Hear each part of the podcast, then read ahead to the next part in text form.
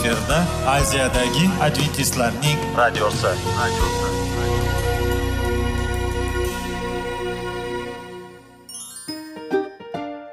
Assalomu alaykum aziz radio tinglovchilar. Sog'liq daqiqasi rubrikasiga xush kelibsiz. Zero tananing sog'lom bo'lishi va uning kasalliklardan saqlash har bir insonning burchi hisoblanadi. Inson uchun bebaho boylik bu sog'liq salomatlikdir. Uni asrash esa har birimizga omonat qilib berilgan. Shuning uchun ham inson o'z sog'lig'ini ehtiyot qilishi voajib amallardan hisoblanadi. Dono xalqimiz sog'liq tuman boylik deb bejiz aytmagan. Aql idroq sohibi bo'lgan inson o'z hayotini qadrlashi lozim bo'ladi. Hozirgi kunda qanchalik dori darmonlar ko'paymasin tibbiy muassa sifati shifokorlar vasiyasi tibbiy texnika yaxshilanmasin. Agar insonning o'z salomatligi haqida qayg'urmasa kutilgan natijaga erishib bo'lmaydi va biz sizlarga bizning dasturimizga xush kelibsiz deymiz.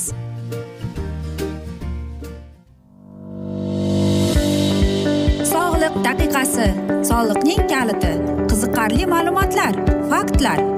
Har kuni siz uchun foydali maslahatlar. Sog'liq daqiqasi rubrikasi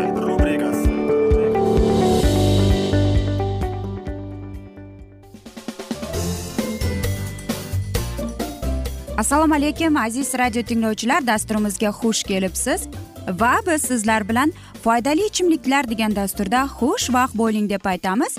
Va bugungi bizning dasturimizning mavzusi ko'zlar va ular uchun foydali ichimliklar deb nomlanadi. Yaxshi ko'rish faqat barcha tuzilmalarning aniq va normal ishlashi bilan juda murakkab his tuyg'ular organi bo'lishi mumkin.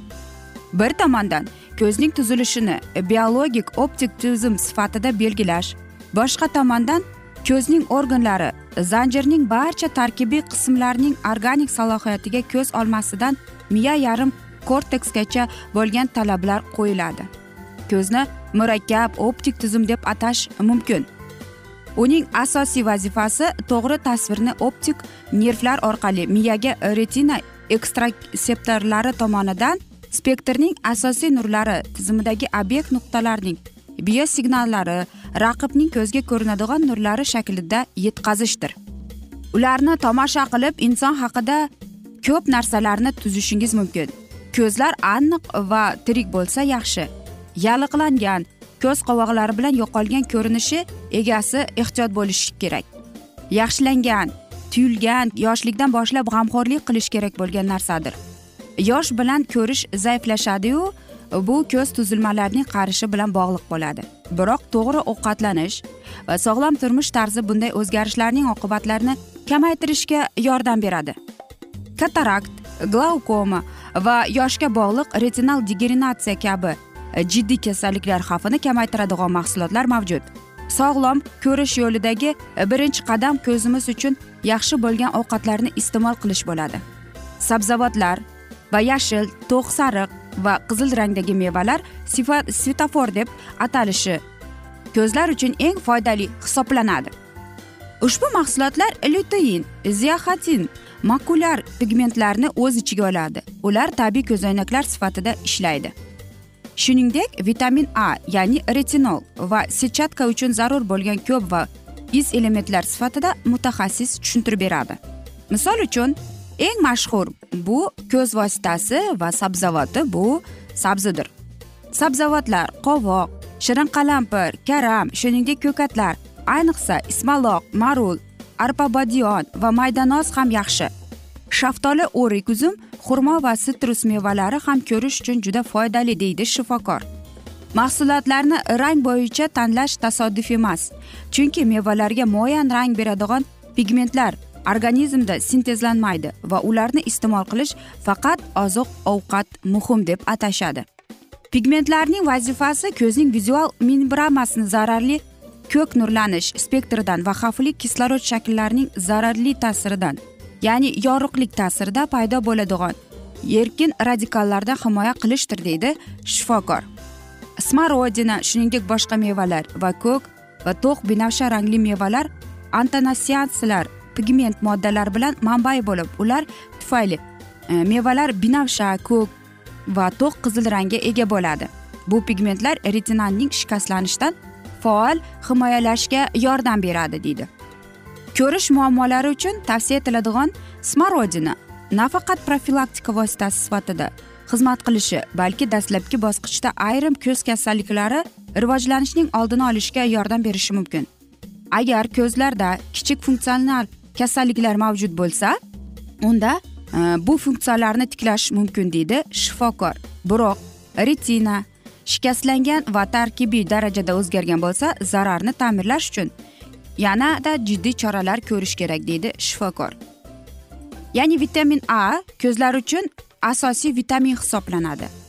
A vitaminiga boy oziq ovqat mahsulotlarini iste'mol qilish retinal kasalliklarning rivojlanishini xavfini kamaytiradi tuxum sarig'i jigar yog'li baliq sut mahsulotlari retinol katta miqdorda o'z ichiga oladi. Vitamin a ko'zlarimizning protein ko'rish uchun zarur bo'lgan. Bu sетчатка nur optik asab va miyaga kiradi. Ya'ni asab impuls aylanib ular tufayli pigment hisoblanadi. Va yana bir ya kerakli vitamin bu vitamin c. Har bir xil odamda ham ideal ko'rish yoki yaxshi ko'rish kun davomida ham yil davomida ham o'zgarib turishi va sog'liq holatiga bosimga bog'liq bo'lishi mumkin deydi. Bu esa o'z navbatida qon aylanishi bilan bog'liq. Shuning uchun ko'zni izolyatsiyalangan e, organ deb hisoblash mumkin emas.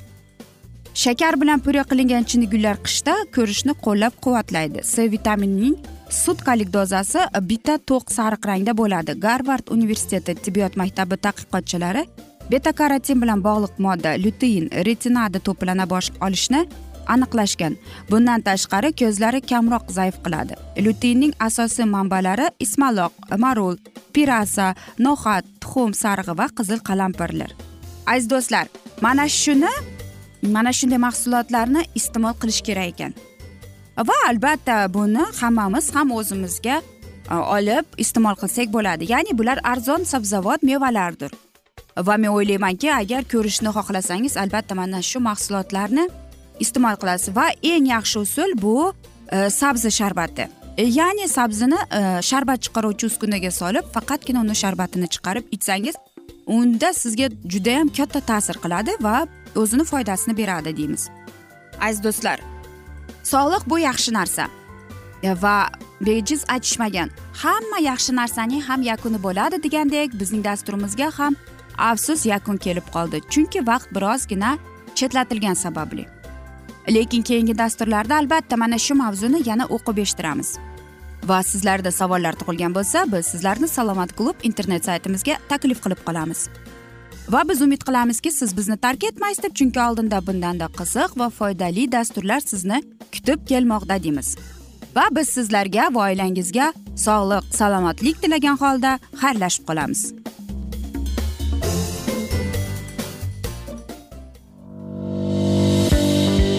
Sog'liq daqiqasi soliqning kaliti qiziqarli ma'lumotlar faktlar. Har kuni siz uchun foydali maslahatlar. Sog'liq daqiqasi rubrikasi.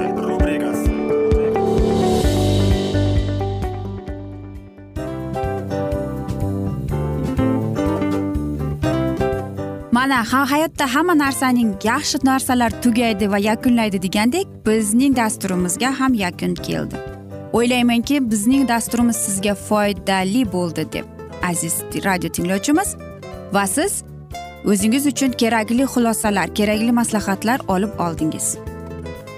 Aziz radio tinglovchimiz biz bilan qoling va keyingi dasturlarimiz albatta undanda qiziqroq bo'ladi. Mana shu alfozda sizlar bilan xayrlashib qolaman.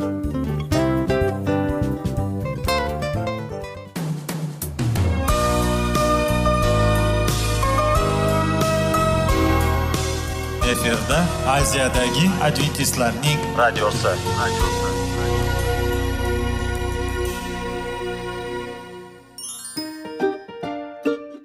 Assalomu alaykum aziz radio tinglovchilarimiz. Dil izhori dasturimizga xush kelibsiz. Pul insonni baxtli qiladimi? Albatta yo'q. Sog'liqchi albatta bo'lishi mumkindir. Lekin olimlar shuni isbotlashdiki to'liq va mukammal munosabatlar insonlarni baxtli qilar ekan. Albatta biz hayot davomida biz yaqin insonlar bilan odamlar bilan aloqada bo'lamiz va ular bilan munosabatlarimiz qanday kechadi qanday tuziladi? Yigit va qiz er va xotin ota ona va farzandlar va yaqin insonlar bilan. Balkim hozirgi vaqtda kimnidir hayoti yoki munosabatlari buzilyapti va bizning dasturlarimiz ularga yordam bo'ladi deb va oldinda sizlarni qiziqarli intervyular va mavzular kutyapti va biz umid qilamizki siz biz bilan qolasiz deb.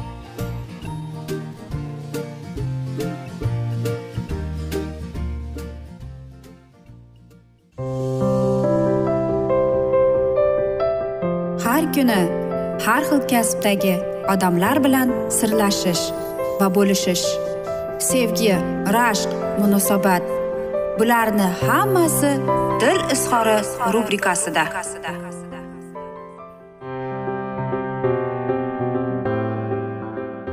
Assalomu alaykum aziz radio tinglovchilar dasturimizga xush kelibsiz va biz sizlar bilan bola tarbiyasi degan dasturda xushvaqt bo'ling deb aytamiz. Bugungi bizning dasturining mavzusi ota ona va farzandlar deb nomlanadi. Ota ona rizoligini topish haqida so'z borganida farzandlarning majburiyati mas'uliyati haqida ko'p gapiriladi. Bu tabiiy holat. Biroq masalaning birinchi tomonidan turgan ota onalarning ular oldidagi majburiyatlari haqida chuqur va puxta bilib olinsa bu eng birinchi bajarilishi lozim bo'lgan vazifa ekanini yodda tutilsa ayni muddao bo'ladi. Zero ota ona o'zlarining bu vazifalarini yaxshi bilib o'z vaqtida bajarib boradigan bo'lsalar umrlarining ko'p qismini ahamiyatsiz narsalarga emas balki dunyoyu oxiratlariga foydasi tegadigan xayrli amallar bilan o'tkazishga musharraf bo'ladilar. Har bir ota ona farzandini yaxshi tarbiya ko'rishini odobli axloqli bo'lishini va eng muhimi itoatgo'y bo'lib yetishni xohlaydi.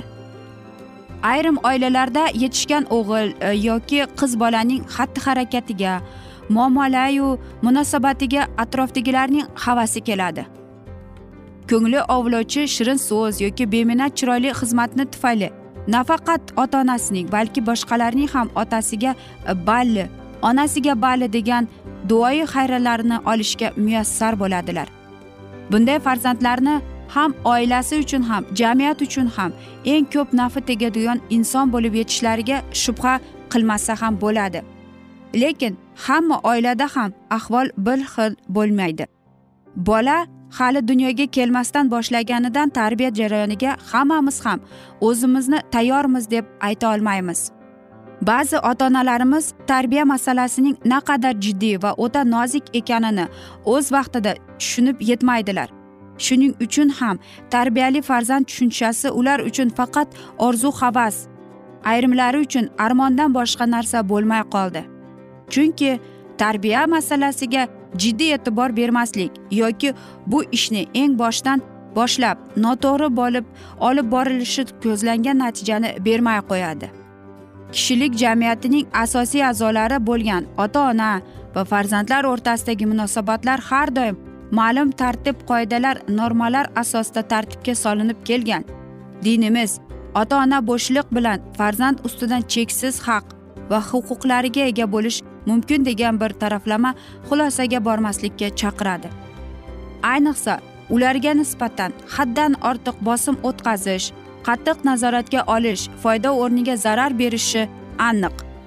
Haddan tashqari ortiq erkalatib borishiga ko'ndirib olish katta bo'lyapti aqli kiradi deb bolani o'z holiga tashlab qo'yish ham tarbiyani olib borishida ijobiy natijalarni bermaydi. Shuning uchun ota onalar farzandli bo'lishlari bilan birga ularning zimmalariga bir qator jiddiy mas'uliyatlar yuklanishi unutmasliklari lozim. Chunki aynan mana shu vazifalarning bajarilishi bilan aqlli bola tarbiya ko'rgan bola tushunchalarni real hayotdagi ijrosini ta'minlashga sekin sekin zamin yaratib boriladi. Ota onalarning farzandlari ustida haqlari bo'lgan kabi farzandlaring ham ularning ustidan bir qancha haqlari mavjud. Xalqimizda qarz ikki qo'ldan chiqadi deb juda chiroyli maqol bor. Ba'zan davralarda suhbatlarda farzandlaridan shikoyat qilayotgan yoki norozi bo'lib gapirayotgan ayrim ota onalarni ko'rib qolamiz. Bir qarashda hasrat hasratlarida jon bordek ko'rinadi. Bola bo'lgandan keyin ota onani rozi qilish kerakda deymiz. Lekin masalaga biroz chuqur nazar tashlaganimizda biz o'zimiz farzandlarimizni aqliy hali kirmagan yoshlik chog'idan boshlab qo'lidan ish keladigan vaqtgacha qanchalik ularning tarbiyalari bilan haqiqiy shug'ullandik degan savol tug'iladi. To'g'ri yedirish ichirish kiyintirish ham juda zarur. Zo'r bo'lmasada birovdan kam qilmagan holda o'rniga ko'ydiramiz. Lekin tarbiya degani faqat yedirish ichirish degani emasku. De tarbiya degani ular so'ragan paytda achchiqlanib baqirib javob berish ham emas. Odob kitoblarimizdan shu narsa ma'lum bo'lmoqdaki farzand tarbiyasini boshlashdan oldin ota onalar avval o'zlaridan boshlash kerak.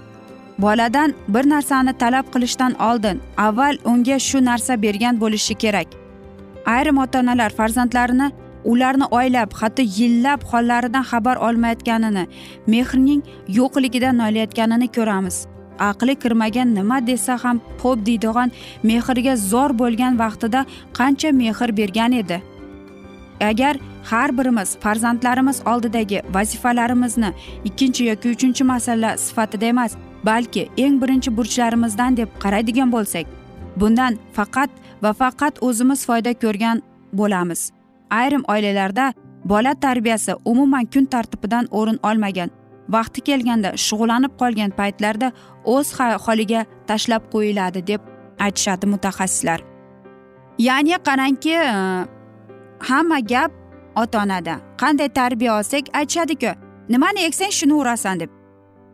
Va men o'ylaymanki bizning dasturlarimiz aziz ota onalarga birozgina bo'lsada qanday desam ekan yordamchi sifatida bir mamnuniyat bo'lyapti deb va e, bolangizning tarbiyasida mana shunday qoida qoidalarning ichlariga rioya qilsangiz bolani to'g'ri tarbiyalaysiz deb umid qilamiz.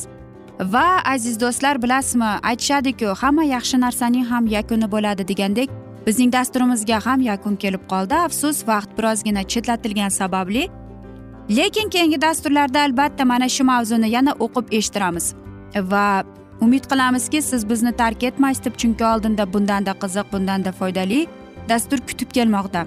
Va biz sizlarga va oilangizga tinchlik totuvlik sog'lik salomatlik tilab yuzingizdan tabassum hech ham ayrimasin deb seving seviling deb xayr omon qoling deb xayrlashib qolamiz.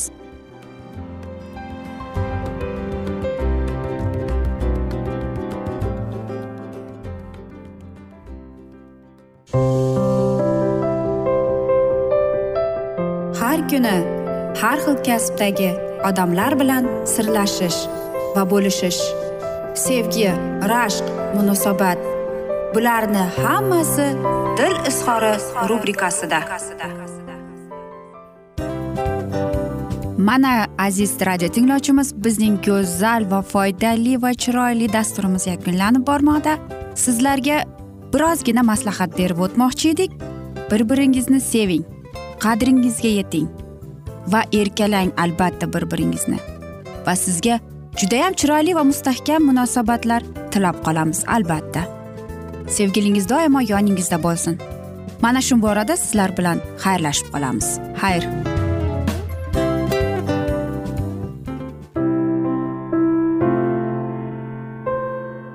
Hayotning noni. Qiziqtirgan savollar va javoblar. Buning hammasi ko'ngil uchun oziqa rubrikasida.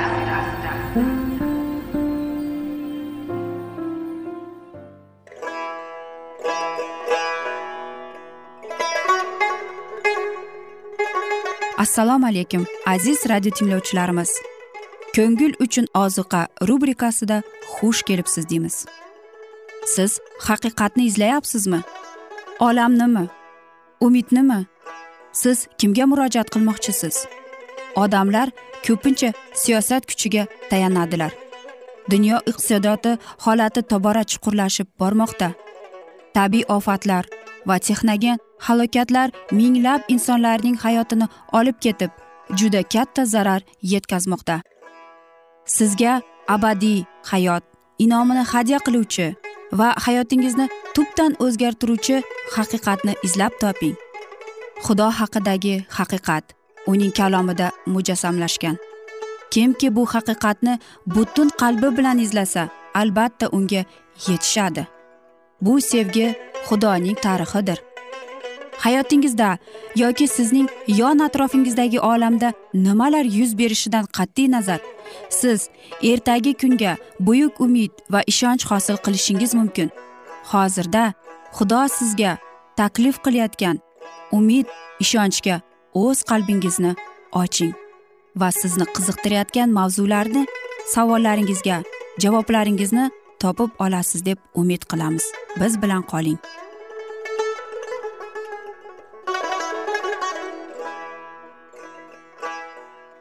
Assalomu alaykum aziz radio tinglovchilar dasturimizga xush kelibsiz va biz sizlar bilan ulug' kurash degan kitobni o'qib eshittirishni boshlagan edik. Va bugungi bizning dasturimizning mavzusi e, bizning yagona himoyamiz deb nomlanadi. Najotkorimiz xochga miqlanish oldidan shogirdlariga meni o'ldirishlari uchun tutib berilaman va yana qabrdan tirilib chiqaman deb tushuntirishganda xudoning farishtalari isoning so'zlarini havoriylarning yuraklarida muhrlab qo'yish uchun hamma imkoniyatini qildilar. Biroq masihning shogirdlari rimliklarning zamindagi zulmdan xalos bo'lishni orzu qilib kutardilar insoniyatning umidlari unda mujassamlashib u sharmandali o'lim topishi kerak degan fikr ularning aqliga sig'masdi shogirdlarning yuraklarida muhrlanib qolishi kerak bo'lgan so'zlarni ular tezda unutdilar. Sinov birdan bostirib kelib qoldi. Isoning o'limi shogirdlarning hamma umidlarini puchga chiqardi. Go'yo iso ularni hech qachon ogohlantirmaganday shu tariqa bu bashorat isoning shogirdlariga ham namoyon bo'lganiday kelajak bizga shunchalik aniq ochiladi sinov davri tugashi bilan e, bog'liq voqealar va qayg'u davriga tayyorgarlik zarurligi aniq va tushunarli bayon qilingan. Ammo ko'pchilik bu muhim haqiqatni mutlaqo tushunmaydi. Go'yo bular muqaddas kitob sahifalarida yo'qday. Iblis hushyor bo'lib qayg'u vaqti ular uchun kutilmagan hodisa bo'lishi uchun odamlar najot topishlari uchun aqlli qilishi mumkin bo'lgan har qanday ta'sirni zaiflashtiradi. Xudo odamlarga shunday muhim ogohlantirishlar yuboradiki osmon o'rtasida uchradigan muqaddas farishtalar ularni xabardor qiladi. Idroq berilgan har bir odam bu xabarlarga lozim darajada e'tibor berishni u talab qildi. Maxluqqa va uning timsoliga sajda qiladigan ustidan chiqarilgan dahshatli hukm. Vahiy kitob o'n to'rtinchi bob to'qqizinchi o'n birinchi she'rgacha o'qing insonlarni bashoratni sinchiqlab o'rganishga da'vat qilishi lozim. Toki ularda maxluqning qiyofasi va undan qanday qilib qutulish haqida to'g'ri tasavvur hosil qilish bo'lsin. Lekin xalq quloqlarini haqiqatdan olib qochadi va masalaga yuz buradi. Pavlus oxir zamonning kelishini oldindan ko'rib shunday degan edi. Shunday vaqt keladiki odamlar sog'lom ta'limotga chidash berolmaydi. Ikkinchi timotiy to'rtinchi bob uchinchi she'r. O'sha vaqt keldi. Olamlar muqaddas kitob haqiqatini qabul qilishni istamaydilar. Chunki haqiqat gunohkor yurak istaklari bilan aslo chiqishmaydi. Iblis yolg'on hayotlatlar bilan ularning ko'nglini oladi. Ammo egamizning yer yuzida bir xalq borki bu xalq uchun muqaddas kitob va faqat muqaddas kitob hamma ta'limotlarning o'lchovi va hamma islohotlarning asosidir. Juda ko'p va bir biriga zid olimlarning fikrlari fanning xulosalari ishonch ramzlari sobir qarorlari ularning ortida turgan jamoatlar ko'pchilikning ovozi hech narsa diniy e'tiqodning bironta punkti uchun dalil yoki rad qilish omili bo'la olmaydi. Biz bironta ta'limotni yoki nizomni qabul qilishimizdan oldin xudoning kalomidan egamiz shunday demoqda degan aniq isbotni talab qilishimiz kerak. Iblis to'xtovsiz ravishda borimizni xudoga emas balki insonga jalb qiladi. U odamlarni odamlar o'zlarining burchi nima ekanini bilishlari uchun bitiklarni o'zgarish o'rganish o'rniga episkoplarga qavmboshlarga ilohiyot professorlariga ustoz sifatida qarashga majbur qiladi.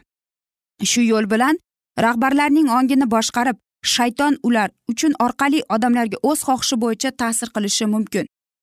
Masih hayot kalomini gapirganda uni nafrat oddiy xalq eshitibgina qoldi balki ko'plab ruhoniylar va hukmdorlar ham unga iymon keltirgan edilar. Ammo oliy ruhoniylar va millat daholari isoning ta'limotini hukm qilib rad etishga qat'iy qaror qildilar. Garchi ular isoga qarshi ayblov topishlarida muvaffaqiyatsizlikka uchragan bo'lsalar ham garchi ular xudoning isodan kelib chiqadigan qudrati va donoligi ta'sirini his qila olmagan bo'lsalar ham ularni asoratga solib yo'ldan ozdirish bilan isoning shogirdini bo'lib qolmasliklari uchun uning yog' surtilganining aniq isbotini rad qiladilar. Isoning dushmanlari yahudiylarga bolaligidan hurmat qilishdan ta'lim bergan so'zsiz itoat etishga o'rgatgan odamlar edilar. Nima uchun deb o'zi so'radilar o'zlaridan. Bizning boshliqlarimiz va tafsirchi olimlarimiz isoga ishonmaydilar. Nahotki agar u masih bo'lganda edi bu solih odamlar uni qabul qilmagan bo'lardilar. Aynan ana shunday ustozlarning ta'siri shunga olib keldiki yahudiy xalqi o'z najotkorini rad qildi. Bu ruhoniylarda va boshliqlarda faoliyat ko'rsatgan ruh bugungi kunda tashqi tomondan solih odamlarda namoyon bo'lmoqda. Hozirgi davr uchun alohida haqiqat to'g'risida bitiklar guvohligini o'rganishni istamaydilar. Ular o'zlarining ko'pchilik ekanligini boyligi va omma ularni yaxshi bilishlarini ko'rsatadilar. Omma tomonidan qo'llab quvvatlashga muhtoj bo'lgan bir hovuch kambag'al himoyachilarga nafrat bilan qaraydilar chunki ular boshqa olam bilan sherik bo'lgan dinga e'tiqod qiladilar. Masih ko'rdiki farziylar va tasvirlar amalda qo'llagan noqonuniy ravishda hokimiyatni egallab olish yahudiylarni tarqatib yuborish bilan barham topdi. Iso bashoratgo'ylik nigohi bilan inson hokimiyati yuksalishini ko'rdi. Bu hokimiyat vijdon ustidan hokim bo'lishni va hamma zamonlarda jamoatning la'natiga qolishni ko'rdi. Aziz do'stlar mana shunday asnoda biz afsuski bugungi dasturimizni yakunlab qolamiz chunki vaqt birozgina chetlatilgan. Lekin keyingi dasturlarda albatta mana shu mavzuni yana o'qib eshittiramiz. Va sizlarda savollar tug'ilgan bo'lsa biz sizlarni adventis tochka ru internet saytimizga taklif qilib qolamiz. Va biz umid qilamizki siz bizni tark etmaysiz deb chunki oldinda bundanda qiziq bundanda foydali dasturlar kutib kelmoqda. Va biz sizlarga va oilangizga tinchlik totuvlik tilab yuzingizdan tabassum hech ham ayrimasin deb o'zingizni va yaqinlaringizni ehtiyot qiling deb xayrlashib qolamiz.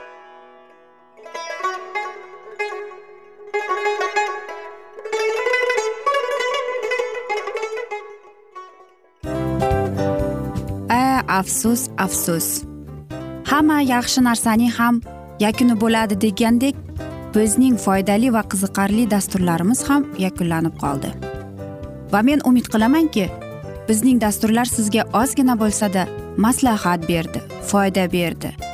Va sog'liq borasida ayniqsa sizlarga foydali bo'ldi deb.